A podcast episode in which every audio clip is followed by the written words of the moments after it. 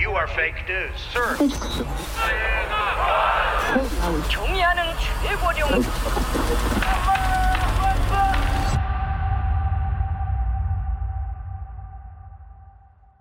New Yorgi terrorirünnaku kahekümnenda aastapäeva puhul oleme Delfi stuudios, et rääkida, kuidas kõik toimunu meid ümbritsevat maailma vorminud on. stuudios on Päevalehe ajakirjanik Krister Paris tere! ja Eesti Ekspressi ajakirjanik Indrek Lepik. tere! mina olen Delfi välistoimetaja Kaarel Kressa.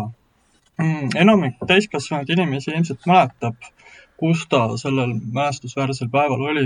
sina, Krister, tegelesid juba ajakirjandusega. kuidas see uudis sinuni jõudis? No mina olin Prahas Raadio Vaba Euroopa toimetuses ja seal siis olime ühes suures ruumis koos Läti ja Leedu kolleegidega, meid oli parasjagu just selleks ajaks kokku sinna kogutud. ja siis nagu ikka, vaatasime televiisorist, kui oli tulnud teada, et esimene lennuk on sisse läinud, inimesed arutasid, mõtlesid ja, ja siis vaatasime ka otseülekandes nagu paljud meist, kuidas siis ka teine lennuk torni sisse lendas sina, Indrek, olid natuke õrnemas eas, aga siiski mingil määral mõjutas see kõik sind? jaa, ma olin üheksa-aastane ja ma käisin kolmandas klassis ja ma mäletan seda väga hästi, sellepärast et mul elas kõrvalkorteris vanaisa, kes tuli äh, minu korterisse siis, kus ma olin klassivennaga ja pani peale CNN-i, nii et äh, ütleme nii, et ma olen seda meenutanud piisavalt palju, et ilmselt see on moondunud omajagu, aga mul on meenutus sellest, kuidas siis ma vaatasin teist lennukit sisse lendamas jaa, mina olin esmakursuslane ja minu jaoks sai kõik see otsustavaks tõukeks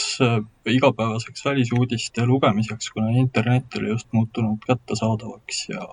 seejärel ajakirjandusse ka tööle tulemiseks. aga olulisem on küsimus, et kuida-, kuidas kõik järgnenu ja terrorivastane sõda, millele nüüd augustis kuulsusetult joon alla tõmmati, kuidas on see meie jaoks välja kukkunud? mõtlesin, et äh, küüniline oleks öelda, et noh, et USA ilmselt äh, kannatas sellest sõjast ja ülejäänud maailm ka, aga Eestile võis ta minna suhteliselt hästi. aga kui ma nüüd täna võtan LP lahti, siis ma vaatan, suursaadik Harri Tiido räägibki seal umbes samasugust juttu no ma just vaatasin järgi enne, et eh, eile juhtumisi, et, et see Operation Enduring Freedom, mis käivitati pärast eh, siis eh, terrorirünnakuid ameeriklaste poolt, see ametlikult lõppes juba aastal kaks tuhat neliteist, nii et mida me praegu tegime viimased kuus aastat Afganistanis, on üldse selline huvitav. ma ei tea, noh jah, see on hästi levinud, levinud äh, mõtteviis, et, et me vähemalt me saime seal palju kogemusi, me tõestasime ennast liitlastele, me nagu oleme nüüd ikkagi selgelt osa sellisest lääne, lääne struktuurist. noh, teine küsimus on see, et, et kas me ikkagi tegutsesime üldse õige asja nimel, et kui sa mainisid Harri Tiidot, siis kohe samas kõrvallehes on minu intervjuu Ray Müllersoniga, kes on mitme Londoni ülikooli siis äh, professor olnud ja üldse mainekas politoloog. Ja tema just väidab, et noh, me pigem, me panustasime täiesti valedesse eesmärkidesse, et Al-Qaidaga oleks nüüd küll ameeriklased saanud väga kenasti ise hakkama, selle konkreetse terroriohu likvideerinud, aga kõik muu nii-öelda demokraatia laiendamine A kukkus läbi, me kaotasime ainult seal mehi ja tegelikult nagu terroriohu vähendamisele oluliselt kaasa ei aidanud. siis teen, ma, ma arvan, et ma jätan lugejatele endale või vabandust, kuulajatele endale otsustada, et nende kahe, kahe seisukoha vahel siis. jah, sellele ongi äh, raske vastata, seepärast et see Eesti seisukoht, et me läksime sinna liitlasi saama ja me saime nad ja saime lahingukogemust, et seda on nii palju räägitud, et see on mõnes mõttes nagu klišee, aga teistpidi jälle minu meelest jätkuvalt nagu vastab tõele ka kõigi nende teiste tõdede juures, mis selle Afganistani sõjaga on seotud, et ma arvan, kakskümmend aastat olla ühes riigis saamata aru, mida sa tahad selle riigis teha, on kindlasti nagu äh, halb strateegia ja selles mõttes on USA selle sõja läbi kukkunud. jällegi võib vaielda ju selle üle, kas niimoodi pidi sealt välja tulema või kas üldse välja tulla, et äh, kas nii-öelda õudne lõpp või lõputu õudus, et, et Ameerika koha pealt kindlasti nagu keegi ei saa arvata, et see oli kuidagi edukas käimine, aga aga noh, ma arvan, et Eesti võiks endale lihtsalt kaasa võtta selle, et kui me ka läksime sinna kahe tuhande kolmandal aastal eesmärgiga sõpru saada, et siis me oleme vahepeal ikkagi ühiskonnaga, ühiskonnana piisavalt edasi arenenud, et ka nüüd aru saada, milline meie roll seal oli. ja, ja see ei tähenda, et me peame endale nagu tohutult tuhka pähe raputama, aga see ei tähenda, et me ei peaks mõtlema selle peale. just nimelt, et ega meil ei pruukinud olla valikut, et kui ikkagi nii-öelda USA andis tollal mõista, et oleks kena, kui näitaksid üles abivalmidust, siis oli ilmselgelt tol hetkel Eesti noh, ainuke valik oligi kaasa minna kui vaadata selle sõja enda eesmärke, siis noh, see on väljaspool kahtlust, et Taliban on tugevam kui kunagi varem isegi kui neil on paar USA päritolu kopterit ja mõned lennukid ja nii edasi, seda on kõvasti rohkem, kui neil oli aastal kaks tuhat üks. aga kuidas hinnata terroriohu olukorda? iseenesest äh, jutt, et Al-Qaeda on Talibanis hävitatud, ei kannata erilist kriitikat, kuna just siin paar päeva tagasi kuulutati välja uue valitsuse koosseis mille siseministriks on Sirajuddin Haqqani kuulsast Haqqani võrgustikust, kes, keda noh, Al-Qaeda ladvikusse kuuluvaks nimetatakse lihtsustamine, aga noh, eriti kaugele see asi ei jää. Ja muidu tema unus sai äh, Afganistani pagulaste minister. Esiteks ma ei ole muidugi päris kindel, et kas me võime öelda, et Taliban on tugevam kui kunagi varem, sõjaliselt küllap jaa, aga, aga näiteks sisemiselt, kui me ikkagi mõtleme kas või Afganistani rahvastikule, nende mediaanvanus on umbes seitseteist aastat, ehk siis suurem osa inimesi ei ole elanud, ei mäleta eelmist Talibani, neil puudub võib-olla otsene selline isegi kokkupuutumus nende õpetusega, ehk siis noh, kui palju neil sellist reaalset äh, rahva tuge on, kui nad peavad hakkama päriselt valitsema, seda saame näha, et, et täitsa, täitsa võimalik, et nad on, on märksa hapramad riigi hoidmisel, kui, kui, kui välja paistab. aga nüüd terrorioht, terroriohud, pigem need rakukesed on hetkel ju, ju kuskil natukene mujal, et noh, seesama ISIS oli ju hoopiski, hoopiski siis Iraagis, no palju võime veel märku mõelda, ma ei tea, Somaalia, Jeemeni, kõik, kõikide selliste kohtade peale. et kas nad nüüd on valmis pakkuma eh, nii-öelda terroristlikele ühendustele peavarju uuesti ja ei pruugi kindel olla, nad võivad nendest, näha ebameeldivaid rivaale, nagu, nagu praegu siis see eh, kohalik ISISe haru juba on heitnud neile nende väljakutse. jah, ma arvan, et Talibani puhul on kindlasti küsimus legitiimsuses, et me ei saa ju nagu eirata ka seda fakti, et kui kahe tuhande esimesel aastal ameeriklased Talibani välja lõid, et siis selleks hetkeks oli Taliban ikkagi päriselt võimul olnud viis aastat ja enne seda oli ta lihtsalt osa siis nagu Äh, eri mudžahiidide grupeeringutes, kes võitlesid, eks ole, olgu siis Nõukogude Liidu vastu või omavahel.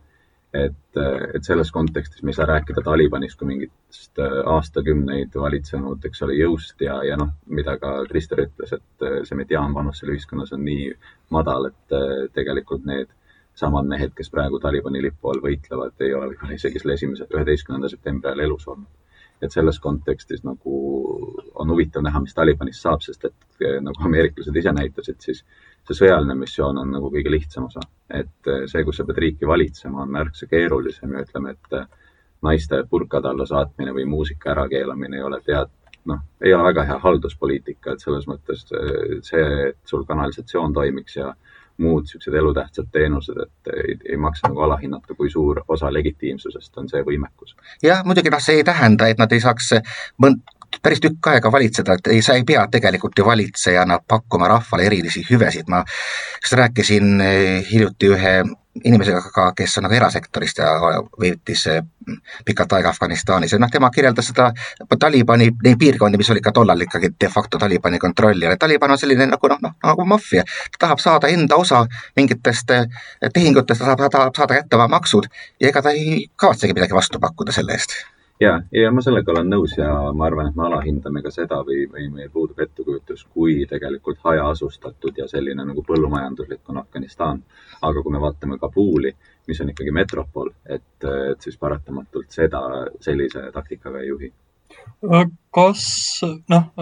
praegu aastapäeva esseedes on kahte sorti arvamusi, peamiselt, et kas poleks lääs üldse pidanud riigi ehitamisega Afganistanis ega ka Iraagis alustama või siis äh, oleks küll, aga tehti andestamatuid vigu? Mm, ma arvan, et noh, tagantjärele vaadates äh, ei oleks üldse pidanud alustama, sellepärast et vaata, ka sama professor Müllerson tõi just, tõi välja väga huvitava kirjelduse, kuidas tolla tema üks hea sõber, kes oli Washington Posti korrespondent, tema kajastas siis eelmist sõda äh,, mudžahidiinid Nõukogude Liidu vastu ja kui siis lõpuks äh, Nõukogude Liit välja läks, siis Najibullah valitsus ütles, et ka lääne reporteritele, et aga tulge ka meie poole vaatama, tulge siis Kabuli. ja kui ta nägi seal miniseelikutes tütarlapsi, palju rõõmsaid värve ja puha, siis ta sai aru, et lääs on tegelikult toetanud üldse vale poolt. aga see, et siis kõigest paar aastat hiljem see kõik täiesti kokku kukkus, näitas, et noh, see ühiskondlik inerts oli ikkagi uskumatult suur ja nagu me nüüd tegime Ameerikas, et ühiskondlik inerts on seal jätkuvalt väga suur. ehk siis äh, tagantjärele tark öeldes äh, võib jah, ilmselt nõustuda nendega, kes ütlevad, et äh, ei olnud ühiskond veel sisemiselt küps, et läänelikku demokraatiat võtta omaks. ma arvan, et siin on ka probleem ikkagi väga sellises noh, tahtmata aga laskuda mingisse väga sügavasse orientalismi, et lihtsalt siin on ka, ma arvan lääne inimese ja eriti ameeriklase arusaamine sellest, mis on riik ja kuidas ühiskonnad toimivad, on nagu kaugelt liiga selline üheülbaline, et et noh, eriti tol hetkel oli ikkagi ettekujutus sellest, et selline liberaaldemokraatlik riik, mis baseerub, eks ole, meie mõistes noh, sellisel õigusriiklusel, eks ole, kõik need muud elemendid, mida me kaasaegse riigiga seostame. Et Äh, need ei ole nii lihtsasti kohaldatavad ja, ja, ja siin ikkagi viimasel ajal noh, pigem küsitaksegi, kas need äh, on üldse universaalsed väärtused, eks ole. et seda ei saa ju eirata. see on päris hirmus debatt, mis on lahti läinud, et kas kõik inimesed üldse väärivad inimõigusi Eestis. aga, aga noh, veel üks aspekt, kui küsisid, et, et kas tehti vigu, minu meelest oli meil, või meil Päevalehes oli üks endine eriväelane, ma nüüd praegu jääb nimi keele taha, aga kes just kirjeldas vigu, mida tema seal nägi, kuidas neid mehi pidevalt alandati läbiotsimistega ja puha. täpselt jah, ja, ja, ja noh, mingi vana afgaan ütles talle, et noh, põhimõtteliselt kui tahate meid võita, siis andke meile televiisori, andke meile midagi muud, vaid mitte, mitte ärge kasutage sellist alandavat jõudu, et kui on kultuur, taoline kultuuriruum, kus alandus on märksa hullem kui surm, siis tulemus on täpselt see, mida me saime no ja, ja selles mõttes nagu ka Iraagis hiljem, et äh, sa võid selles mõttes sellise nagu eliidi äh, ära likvideerida või noh, nii Talibani näol kui ütleme, Baathi erakonna näol. aga, aga sa pead selle vaakumi millegiga asendama ja kui asenduseks on totaalselt korrumpeerunud võim nagu Afganistanis, siis ilmselgelt puudub rahva seas selline sügav armastus. aga siia peab vahele pistma, et kui Iraak algas fiaskoga aastaks kaks tuhat viis, kaks tuhat kuus oli fiasko selgelt näha, kodusõda, totaalselt korrumpeerunud kohalik valitsus, totaalselt korrumpeerunud okupatsioonivalitsus Paul Bremeri eestvedamisel, siis praegu Iraak enam ei paista fiasko, vähemalt kuni sügiseste valimisteni mis võivad muidugi kõike muuta, kui ma seal kohapeal käisin, siis äh, seda võis ka sõjaväelaste jutust aru saada, et noh, et vaatame, kas tuleviku Iraak tahab meid siia. Jaa, aga ma olen ka aru saanud, et isegi kui ei taha, siis noh, mingisugune äh, üsnagi, üsnagi nii-öelda robustne demokraatia praeguseks hetkeks on Afganistani, vabandust, Iraagis kanda kinnitanud. vot ei tea, seepärast et kui nad ei taha, siis see tähendab seda, et seal saavad võimule Iraani toetatud poliitilised liikumised ja kui nad saavad seal võimule, siis see tähendab šiitide domineerimist, mis omakorda ajab hästi vihale sunniitide hõimud ja kurdid ja siis võib sealt tulla igasugused no okei okay,, ja, ja nagu vaatame kas või Tuneesia näitel, siis demokraatia, mis tundub ühel hetkel olevat noh, nii-öelda enam-vähem justkui justkui on järgmisel hetkel plõks kadunud. ja, ja noh, ka siinkohal ei saa jätta nagu mainimata, et Iraagil oli ikkagi selge riikluskogemus, et olgu see Husseini juhitud Iraak või ka varasemad kuningriigid, et selles mõttes või nii-öelda varasemad kuninga all siis olevad. et, et, et sellel on nagu suur vahe Afganistaniga, mis tegelikult on ikkagi rohkem sarnane teiste Kesk-Aasia riikidega nagu endised Nõukogude vabariigid, eks ole, ja, ja muud sellised, mis on ütleme niimoodi, kaardil veel palju enam riigid kui, kui reaalses elus just sellise terviku mõttes. aga kui rääkida nüüd tekkinud probleemidest, siis üks paistab olevat küll lääne vähemalt moraalse kaalu kahjustamine, eriti praeguses olukorras, kus lääneriigid põhimõtteliselt avaldavad kahetsust sellele, et Afganistani valitsuses ei ole naisi, aga, aga ei ütle eriti midagi selle kohta, et endisi ametnikke ja sõdureid nende koduhoovides maha lastakse ja neidsamu protestivaid naisi automaadikabaga näkku pekstakse, nagu me sel nädalal nägime. või ka see, et Haqqani võrgustiku tüübid istuvad nüüd valitsuses ja järsku tundub täiesti okei okay,, et džihadistid kontrollivad tervet riiki. ja järsku tundub ka täiesti okei okay see, et äh, demokraatia ei ole kõigile rahvastele mõeldud nagu ka inimõigused, nagu sa märkisid. jah, ma, praegu me võime ainult öelda, et, et äh, lääne pigem suhtumine on, on siis nii-öelda noh, ohjamine, ehk siis äh, kui ma kujutaks ette, et sõnumid, mis lähevad Talibanile, on see täpselt see, et kelle, kelle riik selle usk, ehk siis kuniks teie suudate ikkagi mingil määral äh, hoida terrorismi tungimast meie juurde, siis ähm, me tunnistame praegu sõjalist reaalsust ja, ja anname vabad käed. ja no näis, et, et vaata kõikide näite, mis sa tõid, nad on nagu sellised üksikud, nad väga, nad, nad ei ületa sellist jubedat pinnast, mis oli siis, iseloomustas Talibani eelmist valitsust tema, tema kõrghetkedel koos kõigi selliste no tõesti avalike hukkamistega staadionitel ja nii edasi. ja selle on nagu, ma kujutaks ette, et ka lääne avalik arvamus praeguse, eriti nähes, kui, kui raske see kõik oli, on valmis alla neelama. Ja ma arvan, et see on ikkagi meie ettekujutus sellest, kuidas need varasemad suhted erinevate režiimidega on olnud, et kui me vaatame ikkagi, et Ameerika Ühendriikide lähim liitlane seal piirkonnas on olnud aastakümneid Saudi Araabia, et noh, kerge liialdusega et kui palju Saudi Araabia valitsemiskord erineb sellest samast staadionitel peade mahavõtmisest, et selles mõttes eh, kui, kui see on nagu meie moraalse kompassi noh, nagu mõjutaja, et siis, siis selles suhtes see, seda me oleme või noh, meie, selles mõttes enamik inimesi ei mõtle selle peale, enamik ameeriklasi ei mõtle selle peale, kindlasti enamik eestlasi ei mõtle selle peale. Aga, aga noh, et, et selles mõttes, mis ei tähenda muidugi seda, et, et me peaksime olemegi nii nagu küünilised, aga minu meelest siis, kui kritiseerida seda, mis Taliban on, siis kritiseeridagi nende kuritegude baasilt, mitte sellelt, kas Taliban võtab enda valitsusse naisi või mitte, et noh, see on tegelikult lihtsalt minu meelest selle asja nagu farsiks muutmine ja iseenese alandamine. ja kui me mõtleme avaliku arvamuse peale, siis Talibani eelmise valitsemise ajal, mis pälvis kõige rohkem tähelepanu, mitte mingisugune võib-olla üksik kividega sirnuks loopimine või midagi taolist, aga see, kui hävitati tankitulega pudakujud iidsed, vot see oli see koht, kus tõsiselt kogu maailm oli taga, tagajalgadel, et mõtle, mida nad teevad, nad hävitavad kultuuriväärtusi? no kaks nädalat tagasi lasti maha kohalik äh, folkmuusika täht, väga lugupeetud inimene. jah, aga samuti lõpetuseks see küsimus, et kas USA tegelik mõju on üldse vähenenud? väga palju debatti on, mida see tähendab näiteks Taiwan'i jaoks, mida see tähendab Ukraina jaoks. aga kuida-, mis, mis tegelikult on muutunud kui üldse on midagi muutunud, et kas USA-d on vara maha kanda? ma ka kohe ütlen, et mõistagi vara. ma arvan, et muutunud on see, et ka USA suurt osa oma sõjalisi operatsioone viib läbi nii-öelda mitte mundrite, aga selles suhtes, et kui me mõtleme ka terrorismivastase võitlusele, eriti Jeemenis, siis droon on see, mis tapab terroriste. seal ei pea olema Ameerika sõdureid ja ma arvan, et lihtsalt Afganistan ka sellise BR-i mõttes, eks ole, nägi kehv välja ja sellest saadakse aru. Eh, või noh, sellest on juba ammu aru saadud, et lihtsalt ma arvan, et sõjapidamine muutub lihtsalt veelgi rohkem mitteformaalseks. et, selles mõttes Afganistan oli nii mõneski mõttes vähemasti sissetungi ajal selline klassikaline sõda. aga ma arvan lihtsalt, et sellist klassikalist sõda ei saa keegi endale väga, väga lubada, me näeme, kuidas, eks ole, Venemaa seda peab küll teistel põhjustel ja, ja ma ei ütle ka, et ameeriklaste sõjategevus on tingimata samaväärne.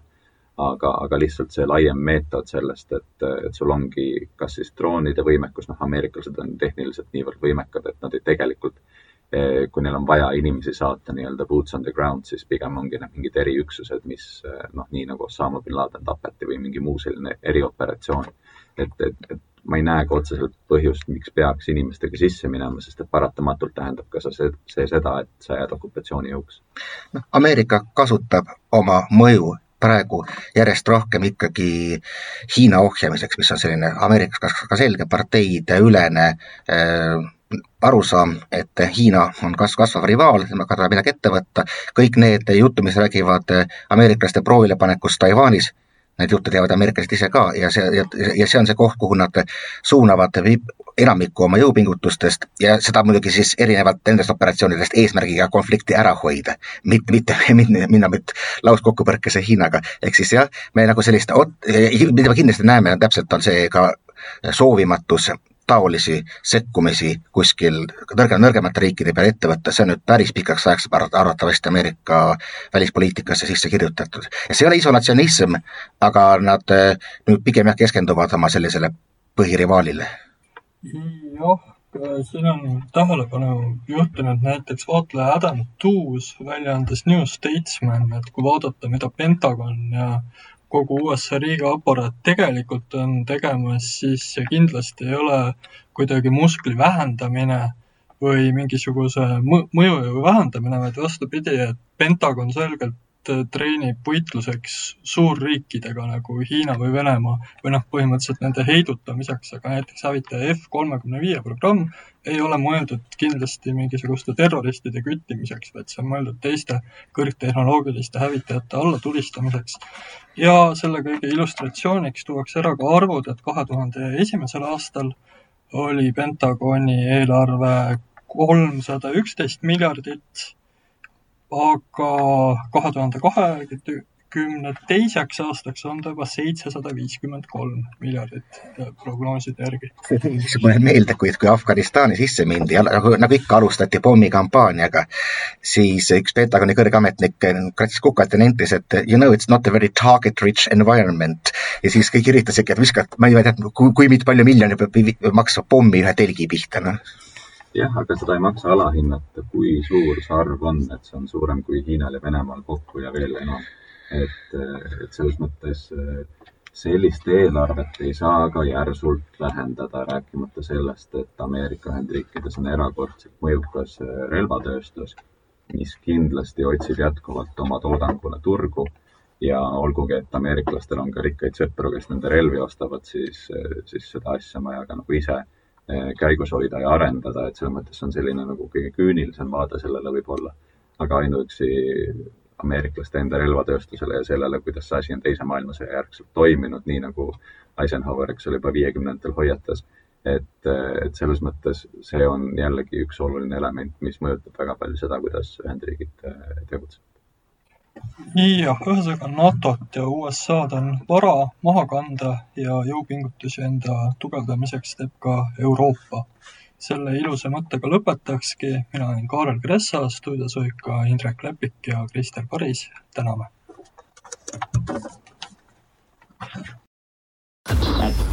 You are fake news, sir. 경의하는 최고령